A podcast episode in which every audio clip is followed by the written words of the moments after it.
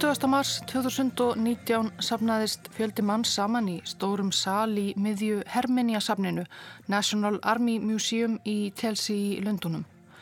Gestir voru flestir prúðbúnir í jakkafötum eða þá kjólum og kuplum. Margir klættust rauðu, grænu og gulu. Það var gleðilegt andrumsloft í salnum, fólk dillaði sér við tónlist og klappaði.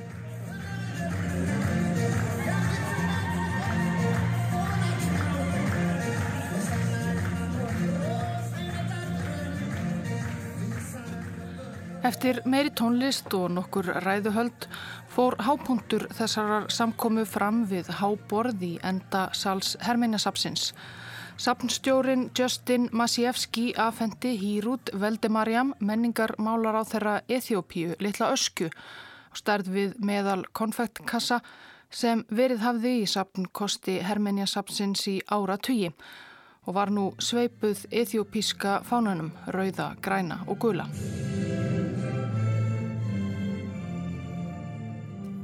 Erkibiskup Eþjópísku réttrúnaðar kirkjunar hjælt tölu og leiknir voru þjóðsöngvar Beggja ríkja, Breitlands og Eþjópíu. Að lokinni að töfn fór litla askjan í fyllt með menningarmála ráþæranum upp í flúvél til Addis Ababa, höfuborgar Eþjópíu, þar sem haldin var önnur eins að við stötum meðal annars æðstu herrum Eþjópíska hersins. Allt var þetta kvikmyndað í bak og fyrir og myndir síndar í fjölmiðlum í Eþjópíu og víðar en innihald litlu öskunar sást hverki. Hún var aldrei opnið. Það þótti of viðkvæmt. Af því að í öskunni voru á vissanhátt líkamsleifar. Tveir stuttir hárlokkar, stolnir af höfði þá nýlátins manns. Manns sem margir ethiopjumenn litu á sem mestu þjóðhetju sína og sem hafði um miðbygg 19. aldar kosið dauðan frekar en ósigur fyrir breska heimsveldinu.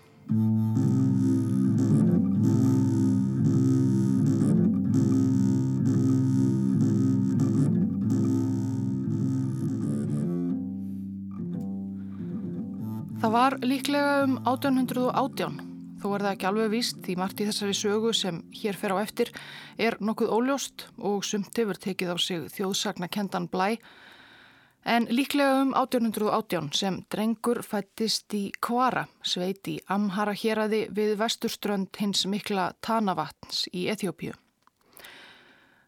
Fadir hans, Hæle Georgis Volde Georgis, var af aðalsættum en lést þegar drengurinn var mjög ungur. Móðurinn Ati Tegeb var að líkindum einnig aðalsporin en skildi við mannsinn ekki lungu eftir fæðingu sonarins. Sonarins sem fekk nafnið Kassa. Og þegar Hæli Georgis lést svo ekki lungu síðar fjall lítið af eignum hans, henni og síni þeirra í skaut. Ekkjunni tókst þó að senda kassalittla til náms í klaustur skóla í Mapperi Selasi norður af Tanavatni þar sem Piltur skaraði fram úr í kristnum fræðum, lærði sína rítningu og var sérstaklega fljótur að leggja á minnið Sálma Davids konungs.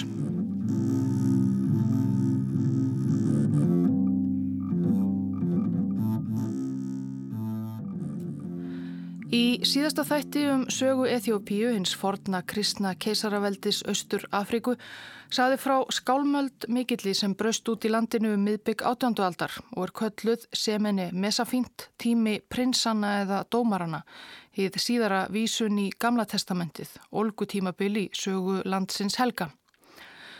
Á þessu tímabili mistu hinnir eiginlegu keisarar Eþjópíuna er allt raunverulegt vald sitt og stort og fjölmenningalegt keisaradæmi þeirra logaði í blóðugum átökum mill ímissa hérads höfðingja á stríðsherra. Þetta helt áfram áratugum saman. Þegar kassa okkar fættist um 1818 hafði borgarstríðið varaði í rúma hálfa öld. Hann fór ekki varhluta af blóðsúthellingum. Þegar hann var enn bara strákur reðst einn stríðsherran á mapperi Selasi klaustrið þar sem hann og skólabræður hans lágu yfir reytningunni. Vígamenn tóku flesta ungu lærlingana höndum og hjukkuð á í búta en einhvern veginn tókst Kassa, sem var eftir villum 12 ára, að flýja og slapp ómeitur. Þetta var engin tími til að liggja yfir bókum og Kassa hinn ungi gekk til liðs við hóp útlaga í heima hér aði sínu kvara Vígamenn sem heldu til í hellum og klettum og réðust á og rændu kaupmenn og hyrðingja og aðrar vígasveitir sem fóru um sveitirnar fyrir neðan, stálu varningi, búfjenaði og þrælum, vopnum og fjö. Kassa var slingur með spjótið og varðað endingu leðtogi útlægaflokksins. Hann var virtur meðal félaga sinna og sumuleiðis almennings þarna í stríðs hrjáður í sveitinni. Hann var gjafmildur og gaf almúanum með sér af þýfi sínum. Þegar þurkar og uppskjörbrestur ógnuðu sveitungum kom hann til aðstóðar. Eins konar ethiopískur hrói höttur. Svo hefur honum síðar verið líst alltjönd. Svo var svo komið að stór hluti kvara hér aðsafði gengið honum kassa á hönd, laut í raun og veru stjórn hans. Á öll prinsana var hann því eiginlega orðin einn af prinsunum.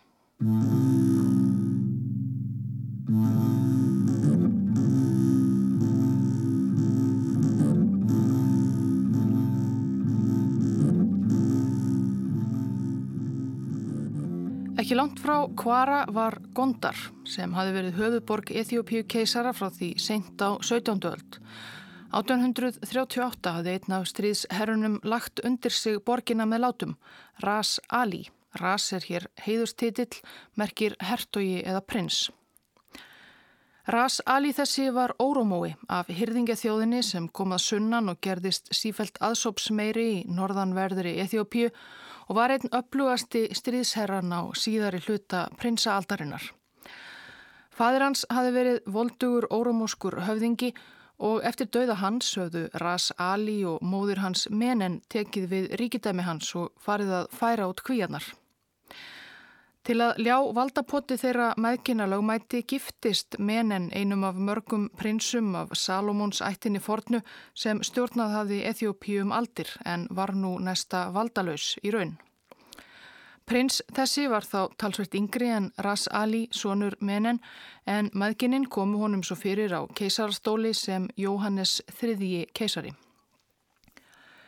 Við hyrðina og utan hennar aðlæðist Piltur Sáfljótt orðspor fyrir drikkjuskap, kvennafar og ruggl. Hann var kallaður Jóhannes Bjáni, en það hafði hann lítið að gera nema djama og djúsa svo sem hann hafði aldrei neinn raunverulegu völd.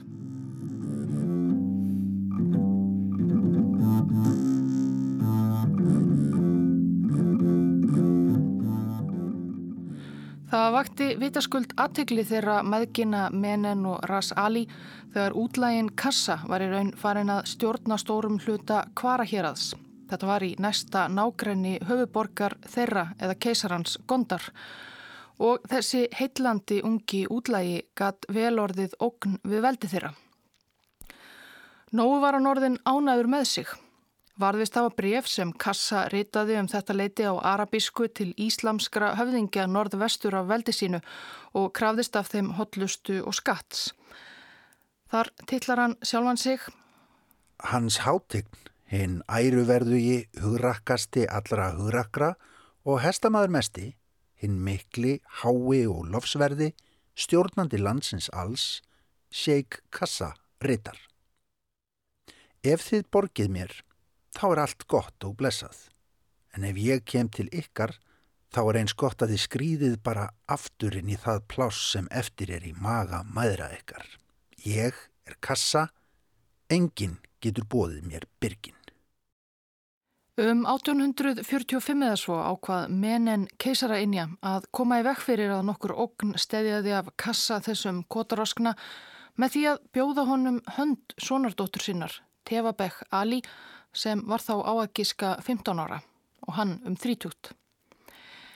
Með yngismenni fengi Kassa að stjórna yfiráðasvæði sínu í Kvara svo lengi sem hann erði þeim meðginum föður brúðarinnar og ömmu hollur.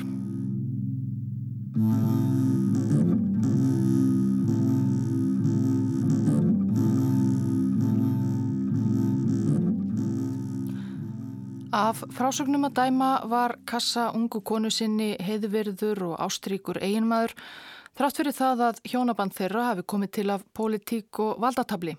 Sambandið við tengdaföður og tengda ömmu reyndist þó ekki eins farsælt. Örf á ár liðu þar til sögð upp úr og Kassa var farin að girtnast frekari lönd og veksemd og stefna mönnum sínum gegn liði tengdapappa og ömmu. 1852 og 53 lendu herjum tengda feðgana ítrekkað saman á vígvöllum norðanverðarar Eþjópíu. Í orustu á Æsjálslettu í júni 1853 eftir mikið blóðbað tók Kassa sjálfa menen keisareginju, ömmu konu sinnar, höndum og stökti tengdaföður sínum Ras Ali á flóta. Hvað varðum óróm og stríðsherran mikla síðan er óvist. Hann kvarf ekki bara af vígvellinum, heldur svo að segja alfarið af spjöldum sögunar. Útlægin kassa frá Kvara hafði þá sigrað upplögasta stríðsherra Eþjópíu, þann sem hafði raun farið með vald keisara á samt móður sinni menen, sem þá var einnig flúin og horfin úr sögubókunum. Hver hinn raunverulegi keisari var 1853 er varla skýrt, hvort það var eiginmaður menen Jóhannes Bjáni sem hataði vist konu sína eða einhver annar peðprins. Það skipti svo sem ekki miklu máli. Snemma árs 1855 let Kassa knjefylgja kviði og gjör sigraði í orustu helsta stríðsherran úr hinnu norðlæga tígræhjeraði, Vúbú Hæle Marjam, sem hafi verið öflugasti mótherji Ras Ali áður en Kassa sjálfur kom til sögunar. Vúbú þessi var fangelsaður og nú var ekkert að vanbúnaði. Hver sem það var sem þarna var kallaður keisari, honum var kastað til hliðar.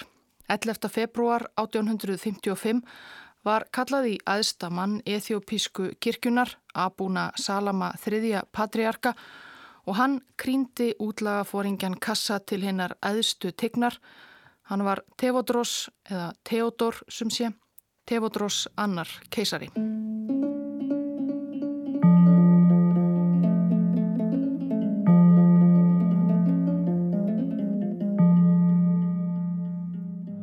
Theodorus konungur er ungur að árum, þrótt mikill í öllum karlmannlegum atöfnum, sláandi ásýndar. Hann er sérstaklega kurtis og geðþekkur þegar vel liggur á honum og sínir yfirleitt hinn að mestu háttvísi og finleika.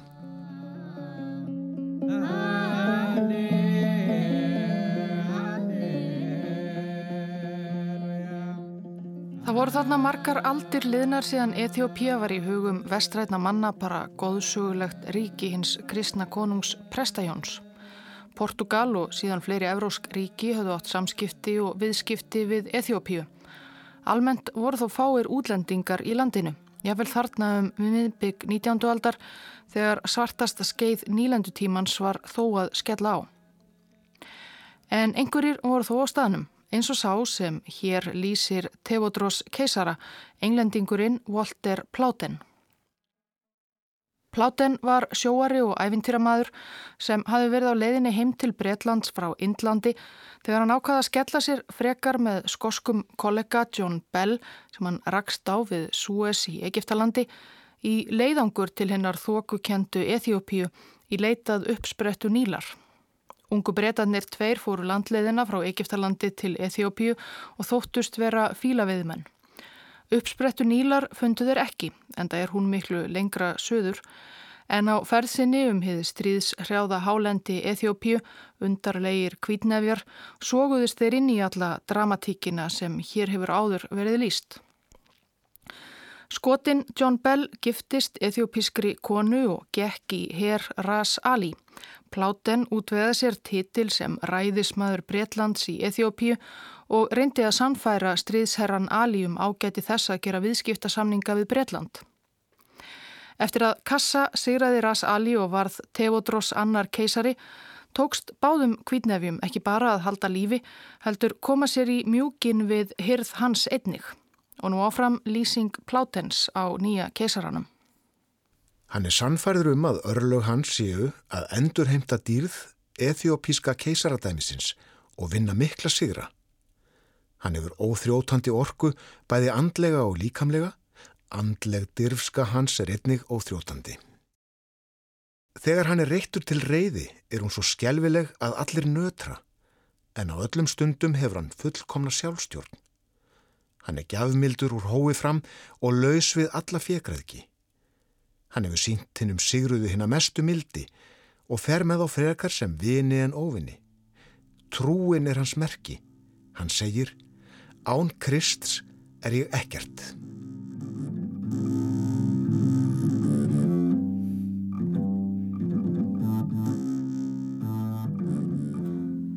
Hinn nýkrýndi Theodros Annar hafði sigrað tvo öflugustu stríðsherrana Ras Ali og Vupe Heile Mariam og fleiri minniháttar til, svo það var í raun enginn sem ógnaði honum sérstaklega. Í ethiopískri sögu er því miðað við árið 1855 þegar Theodros Annar let patriarkan krína sig til keisara sem endalók borgarastriðstímans Semani Mesafind og öll dómarana. Theodros hafði sameinað Eþjópíu undir sína stjórn. Eitt af hans fyrstu verkum eftir kríninguna var að skipa þegnum sínum sem enn voru í vígahug að leggja niður vopn og hvetja til sameiningar og samvinnu landsmanna.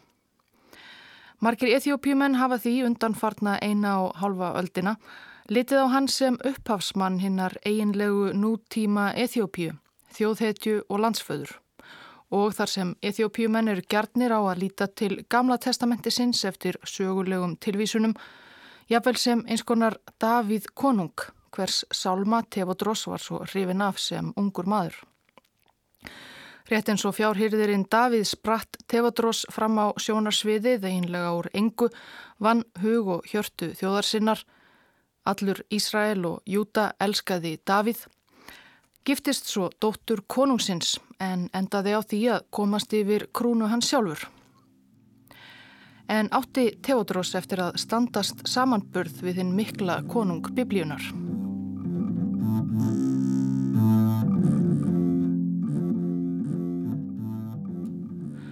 Landið var reyndar ekki alveg saminað. Theodros hjælt einlega strax áfram hernaði. Eitt af hans Fyrstu verkum var að leiða hersinn gegn tveimur smerri konungsríkjum sem höfðu verið í nánu sambandi við forvera hans á keisarastóli en þó sjálfstæð. Það var Volló í norðri og Sjefa í suðri. Þau vildi hann nú beigja algjörlega undir sína stjórn. Á meðan hann var að því bröðust út uppreysnir gegn honum annar staðar. Ekki allir sættu sig við þennan mikla landsföður. Yngri frændur stríðsherrans Vúbu Heile Marjam sem Tevodros hafði fangelsað lögðu meðal annars undir sig höfuðborginna Gondar á meðan keisarin var upptekinn á öðrum vígvelli. Keisarin færði þá höfuborg sína í suður í virkisbæ uppi á fjálstindi með útsýni í allar áttir, Magdala. Í Magdala reisti hann meðal annars fangelsi til að geima allan þann fjölda andstæðinga sem hann handsamaði í herrferðum sínum. Meðfram þessu reyndi Teodrós Annar þó að gera ymsar umbætur. Hann byggði upp atvinnu herr, herrmenn hans luti þjálfun í vopnaburði og fengu greitt laun og varum leið meinað að ræna og ruppla á svæðum sem þeir lögðu undir sig. Hann laði vegi fyrstu alminnilegu vegina í ríki hans og þrælahald bannaði hann eða reyndi svo vondastofnun átti sér langa og ríka hefði mörgum samfélögum í ríki hans sem hægara var sagt en gert að uppræta. Fjölkvæni var annar gamall síður sem hann vildi losna við og hvati landsmenn til að vera trúir einum maka eins og hann var trúr henni Tevabek sinni, dóttur Ras Ali.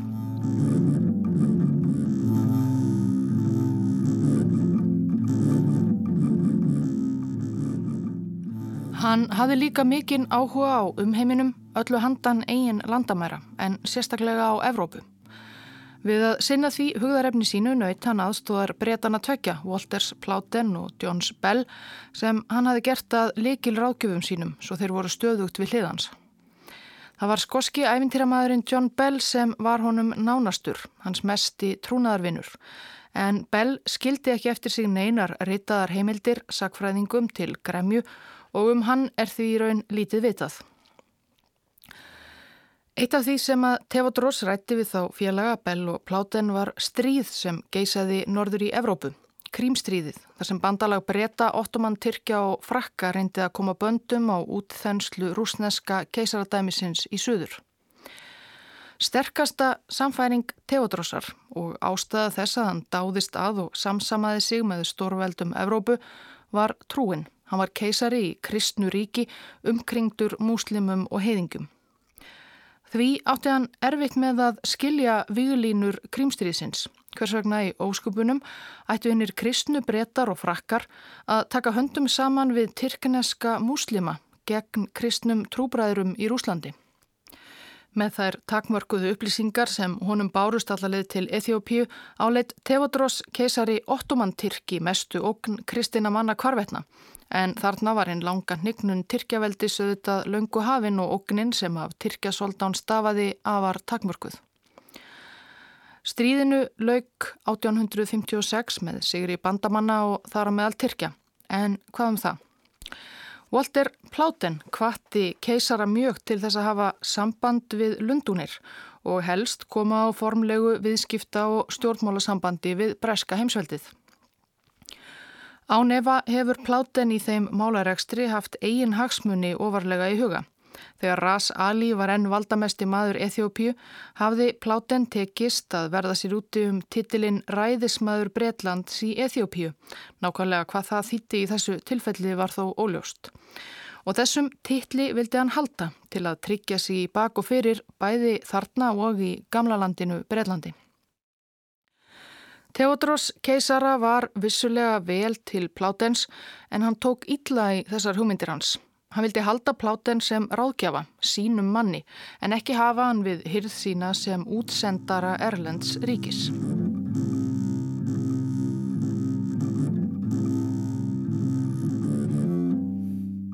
Þetta bref er ritað af konungi konungana, Tevodros af Eþjópíu og megi það berast til Viktoríu, englandsdráttningar. Pláten talaði þó keisaran loks á að skrifa til Breitlands. Bref til Viktoríu drottningar var sendt af stað í november 1857 með sendibóða í gegnum Egiptaland. Keisarin hafði þá ekki fengist til að nefna mögulega ræðismannsstöðu plátens við drottningu. Brefið var svona aðalega á léttunótunum. Hvernig hafið þér það? Eru þér við helsu? Ég, dýrð sér Guði, hefða gott. Ég hef tekið á móti herra pláten í ást og vinskap og skilst að hans sé erindreki í þar.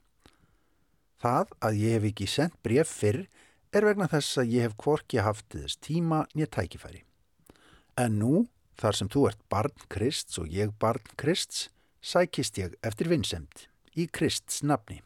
Megum við gleðjast í friðsemt saman. Pláten skrifaði þó sitt eigið bref heim sem hann let fylgja með brefi keisarhans. Þar reyndi hann að útskýra fyrir breskum stjórnvöldum mikilvægi þess að huga að Eþjópíu. Frakkar voru að seilast til áhrifa í þessum heimsluta, skrifaði hann. Örf á ár voru síðan frakkar sömdu við Ketívan í Egiptalandi um að grafa skurðmilli miðjarðar og rauðahafs við Suez. Ætluðu breytar að setja aðgerðalösir hjá á meðan frakkar sölsuðu undir sig rauðahafið og norðaustanverða Afríku eða þá Tyrkir. Það minsta sem stjórn hennar hátegnar geti gert, skrifaði Pláten, væri að senda Eþjópíu keisara nokkur hundruð nútímaleg skotvopn fyrir herrhans að verjast frökkum eða öðrum óþjóða líð. Teodros keisari þráði fátt eins heitt og hann þráði skotvopn. Þau voru af skortnum skamti í Eþjópíu. Brefið var lengi á leiðinni til Englands og eftir að það komst allarleið til Lunduna var það enn lengur að ferðast milli skriffinana þar. Í oktober 1859, næri tveimur árum eftir að sendibóði keisara var sendur af stað frá Eþjópíu, kom loks sending frá Breitlandi. Breska stríðsmálaráðunettið hafi samþygt að senda Tevedros öðrum Eþjópíu keisara ekki nokkur hundruð bissur heldur einn riffil og engin skotfæri.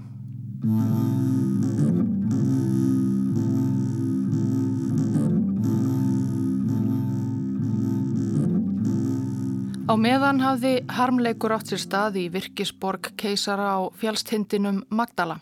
Heittelskuð eiginkona keisarans Tefabak Ali vestlaðist upp á sótarsængréttum 27 ára í ágúst 1858. Maður hennar var þá fjárverandi einu sinni sem oftar í herrferð í þetta sinn gegn óstýrilátum órómóum í Suðri, þjóðinni sem kona hans tilherði.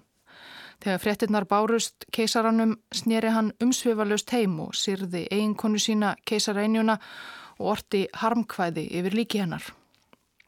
og sunnanmenn fengu fríðum stund eftir á. Næst þurfti keisarin að sinna annari ógnað norðan því það var fjarrri að keisaranum sem þarna hafi setið í rúm þrjú ára og valdastól hefði í raun tekist að sameina alla Eþjópíu. Hann átti sér enn öfluga ofinni. Í Tígræ héræði nýrst í Eþjópíu dagsins í dag hafði víi sitt einn af frændum gamla stríðsherrans Vúbú Heile Marjam sem Tevodros hafði fangelsað. Stríðsherraða nafni Nígúsi. Hann hafði dadrað við að gerast kathólskur í vonum að tryggja sér stuðning frakka í baráttunni við keisaran. Og þetta máttu auðvitað ekki líðast. Í november 1859, nokkrum vikum eftir að breski riffillin komst á leiðarenda, fór Theodros annar með 2000 manna norður til Tigræ til móts við Neguse. Í humátt á eftirónum fór Volter Pláten ósáttur við það skeitingarleysi sem stjórnvöld í heimalandi hans síndu honum og herra hans.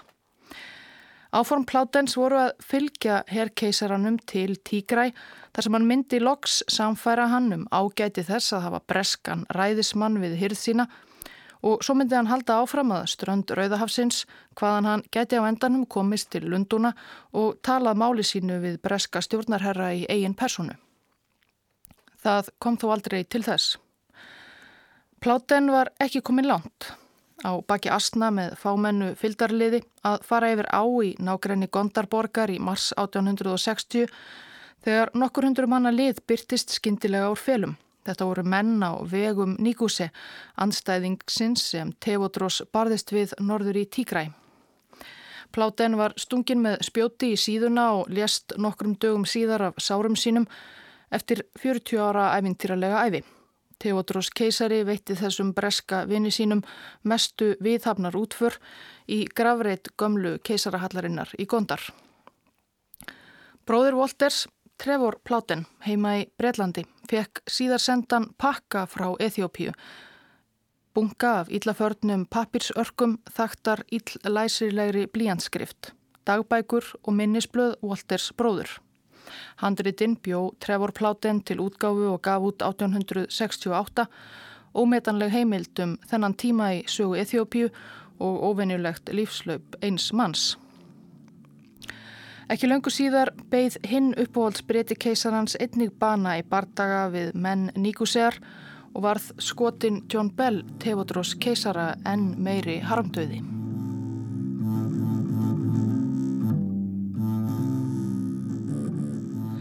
Keisarannum tókst að endingu að ráða niðurlögum Níkusér og sölsa undir sig tígra í héræðið í norðri, en vandraði hans virtust þó engan enda taka. Sífælt var að blossa upp ansbyrtna og átök hér og þar um veldi hans og með því að innlima tígræ hafði hann nú landamæri að Egiptalandi. Egiptaland var þarna formlega hluti af Tyrkjaveldi en Egiptalands konungur réð sér að mestu sjálfur og leitt hýru auga suður til hinnar kristnu Eþjópíu. Tevodros var þarnað mestu hættur að hugsa um umbætur heimafyrir. Hætti því einlega alfarið eftir að kona hans Tevabak dó. Var alveg sama þó að þrælahald og fjölkvæni grasseraði nú sem aldrei fyrr. Hann hugsaði bara um hernað og hann var grimmur og reyður.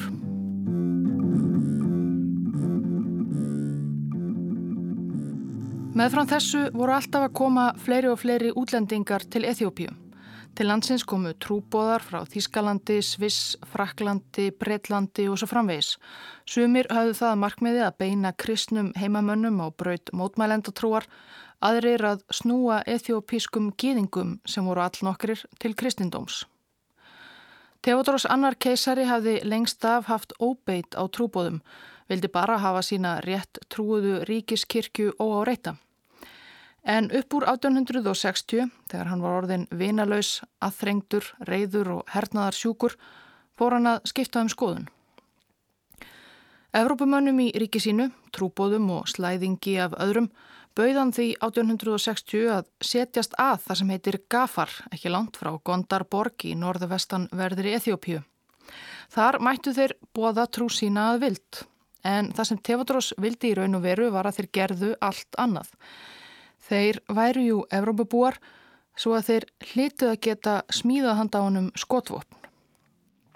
Trúbóðarnir voru fæstir ef einhverjir lærðir í þeim fræðum en höfðum um lítið annað að velja en að hefjast handa eftir bestu getu.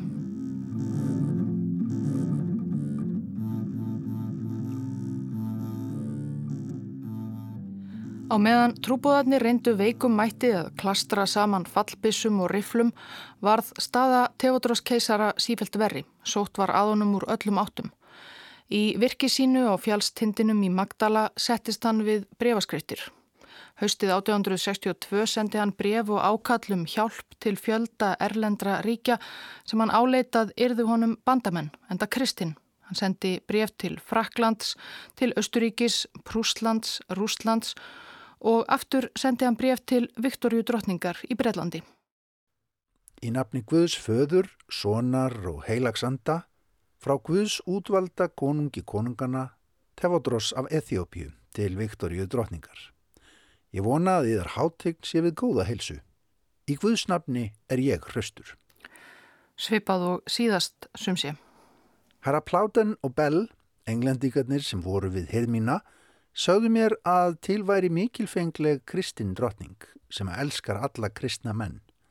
Það glatti mig mikið að heyra. Og svo framvegis. Í flúruðumáli óskaði Tefudros aðstóðar hennar háttegnar við að ráða niðurlögum Egipta, Tyrkja og annars heiðingja líðs sem herjaði á hann.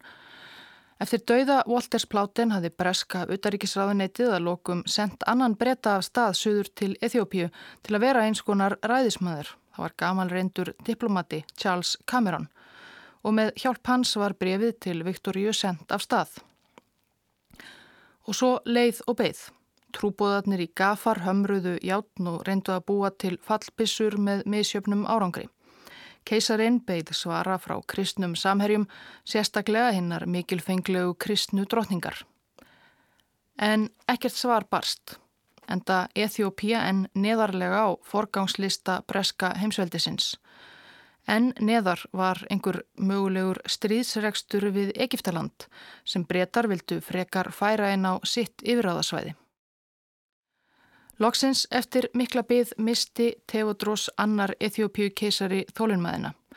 Í oktober 1863 var það vegi hans þýsk-breskur trúbóði Henry Stern sem var að reyna að snúa eþjópiskum gýðingum. Keisarin ákvaða láta handtaka hann þar sem ekkert svar var komið frá Viktoríu. Stern var færður í bönd, hýttur og fluttur í fangelsið í virkisborginni Magdala. Þegar breski ræðismæðurinn Charles Cameron frétti af þessu og reyndi að tala máli trúbóðans landasins var hann og handekinn hýttur og fluttur í fangelsið í Magdala og ekki löngu síðar voru vel flestir trúbóðarnir í gafar komnir bak við lás og slá.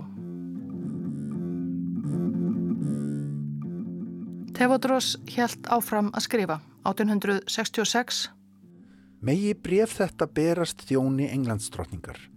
Það sem ég þarf frá yður er fallbissusmiður, bissusmiður, jártsmiður, herverkfræðingur og stórskotalið. Megi Guð færa yðnaðarmenn þessa hingað með verkfæri sín. En aldrei barst honum neitt svar og í reyðisinni og vonbreyðum tók hann enn fleiri gísla, tugi, flesta þá Evrópumenn sem hann fann í ríkisínu, þar af þó nokkra breyta. Þó svo að Viktoria drottning svaraði ekki sjálf bárust fregnir af gíslunum, breska ræðismanninum, fleiri breytum og Evrópumönnum að endingu til Lunduna, þar sem framferði hins fjarlæga keisara vakti almenn neykslan, sérstaklega að breskur ræðismadur væri í haldi.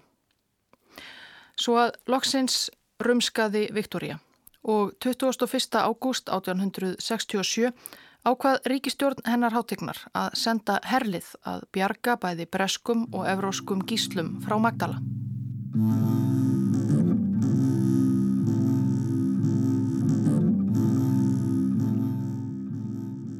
Verkefni þetta kom í hlut Sör Robert Napier, Margreinds Bresks nýlendu herfóringja sem hafi barist í Indlandi og í setna ópjumstriði. Menn hans voru allir úr herliði breyta á Indlandi sem á indversku herfílatnir sem áttu að bera þungavæpni bretana frá ströndu Rauðahafs inn í landað fjallvirki keisarans. Um 13.000 manna bresk indversku herliði fylgdu ímsir áhangendur Þar á meðal ungur velskur bladamadur í sinni fyrstu ferð til Afríku, Henry Morton Stanley héttan, en þetta varð ekki hans síðasta svaðilfur í Afríku.